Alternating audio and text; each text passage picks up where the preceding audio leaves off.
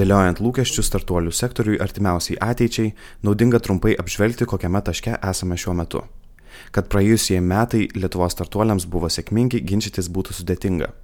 Remiantis asociacijos vienaragiai LT duomenimis, Lietuvos startuoliai pernai sumokėjo 50 procentų daugiau mokesčių ir įdarbino apie 5000 naujų darbuotojų. Bendras šiame sektoriuje dirbančių žmonių skaičius jau viršė 13 tūkstančių, o vidutinė alga perlipa 3 tūkstančius eurų. Šiuo metu Lietuvoje veikia 22 inovacijų hubai arba bendradarbystės erdvės, yra įsikūrę daugiau nei 20 inkubatorių bei akceleratoriaus programų.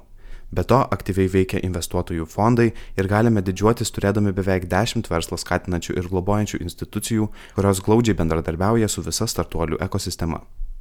Akivaizdu, kad tokių rezultatų sektoriaus įmonės galėjo pasiekti ir dėl didėjančių investicijų. Pernai jos viršijo 420 milijonų eurų ir didžiąją jų dalį sudarė užsienio investuotojų lėšos. Be to, kaip rodo Startup Lithuania duomenys, pernai rekordinės buvo ne tik investicijos, bet ir startuolių pardavimo pajamos. Taigi visi šie skaičiai rodo didėjančią sektoriaus brandą, o kartu ir potencialą, kuris leidžia prognozuoti naujus proveržius ir rekordus. Sektoriaus brandą be jokios abejonės rodo ir tai, jog startuoliai, o ypač fintech įmonės, pradeda orientuotis ne tik į naudą ir pajamų auginimą, bet ir visuomenės edukaciją, norą suteikti kuo platesniai visuomenės daliai prieinamumą prie inovacijų ir jų panaudojimo kasdieninėme gyvenime. Todėl sparčiai pradeda aukti bei didelio investuotojo dėmesio gali sulaukti tokie sektoriai kaip pavyzdžiui WealthTech, InsurTech, EdTech bei vienas iš tvirčiausių startuolių sektorių FinTech, kuris šiuo metu jau yra pritraukęs daugiau kaip 60 milijonų eurų investicijų.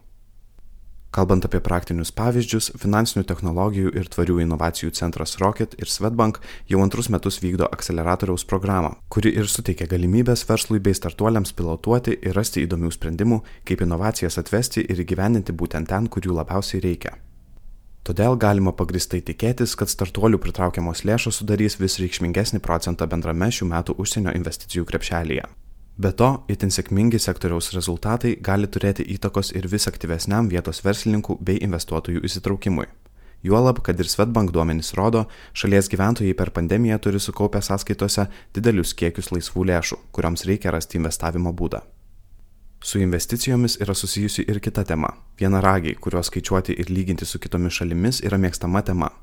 Jau kuris laikas Lietuvoje kalbama ir apie neoficialius vienaragius Tai įmonės, kurios iki šiol gyvena savo lėšomis bei išorinių investicijų, todėl jų vertė nėra tiksli ir nustatyta oficialiai. Šiuo metu turime ne vieną lietuvišką startuolį, neslepiantį ambicijų įžengti į vienaragių lygą, todėl galbūt kiti metai bus tie, kai šalia Vinted vardo galėsime įrašyti ir kitus startuolius.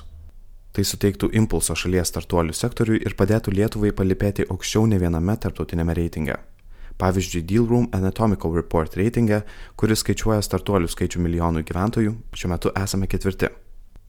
Tuo pačiu norisi atkreipti dėmesį ir į kitą, su finansais mažiau susijusi dalyką, apie kurį dar netiek daug kalbama.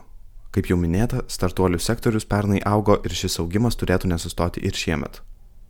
Tai bus daroma plečiant savo komandas, ugdant naujus talentus ir jų kompetencijas.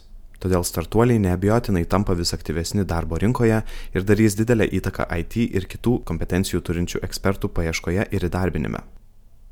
Startuoliai šiandien yra labai aktyvūs, veikia ne viena vienijanti asociacija bei organizacija, kurios drąsiai ir aktyviai kalba apie rinkos iššūkius, poreikius bei pasiekimus, o jų aktyvumas ir veržlumas rinkai suteikia dar daugiau impulso bei pagreičio. Ta puikiai galima matyti ir Rocket bendruomenėje, kurioje startuoliai nekonkuruoja, o ieško bendrų verslo galimybių. Tokia atmosfera kuria patrauklę ir emociškai sveiką aplinką darbuotojams. Be to, startuoliai darbuotojams siūlo ne tik įdomius, ambicingus projektus, rezultatų ištroškusias komandas ir kolegas, bet ir opcionus. Labai tikėtina, kad startuolių kuriama darbo aplinka paskatins pasitemti ir didžiasias įmonės, galvojant apie papildomas naudas savo darbuotojams ir kasdienį darbą, kuriame darniai dėrėtų ir iššūkiai, ir darbo misija bei jo prasme. Komentarą paruošė Finansinių technologijų ir tvarių inovacijų centro Rocket vadovė Lina Žemaitytė Kirkman. Įgarsino Kristijonas Vaičiukauskas.